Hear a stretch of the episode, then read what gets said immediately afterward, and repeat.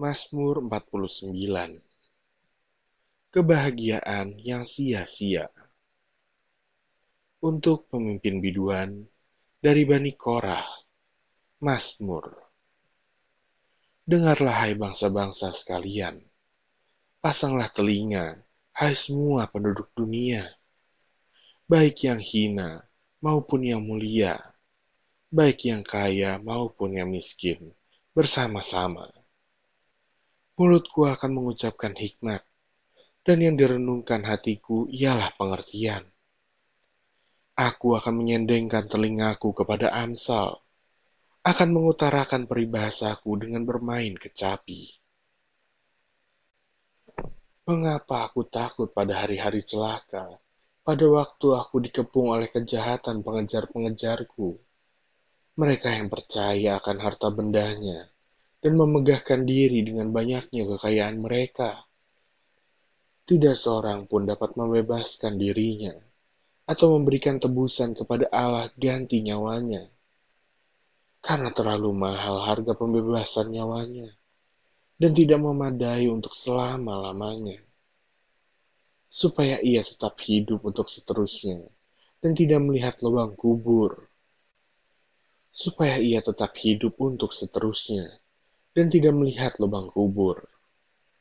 Sungguh, akan dilihatnya orang-orang yang mempunyai hikmat mati.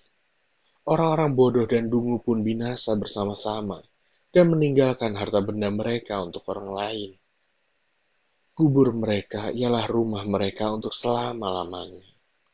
Tempat kediaman mereka turun-temurun mereka menganggap ladang-ladang milik mereka. Tetapi dengan segala kegemilangannya, manusia tidak dapat bertahan. Ia boleh disamakan dengan hewan yang dibinasakan. Inilah jalannya orang-orang yang percaya kepada dirinya sendiri. Ajal orang-orang yang gemar akan perkataannya sendiri. Selah. Seperti domba mereka meluncur ke dalam dunia orang mati digembalakan oleh maut. Mereka turun langsung ke kubur. Perawakan mereka hancur. Dunia orang mati menjadi tempat kediaman mereka. Tetapi Allah akan membebaskan nyawaku dari cengkraman dunia orang mati, sebab ia akan menarik aku. Selah. Janganlah takut apabila seseorang menjadi kaya, apabila kemuliaan keluarganya bertambah. Sebab pada waktu matinya, semuanya itu tidak akan dibawanya serta. Kemuliaannya tidak akan turun mengikuti dia.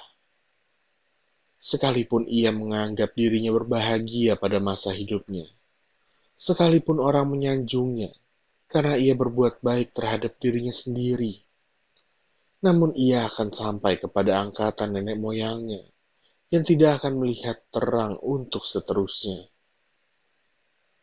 Manusia yang dengan segala kegemilangannya tidak mempunyai pengertian, boleh disamakan dengan hewan yang dibinasakan.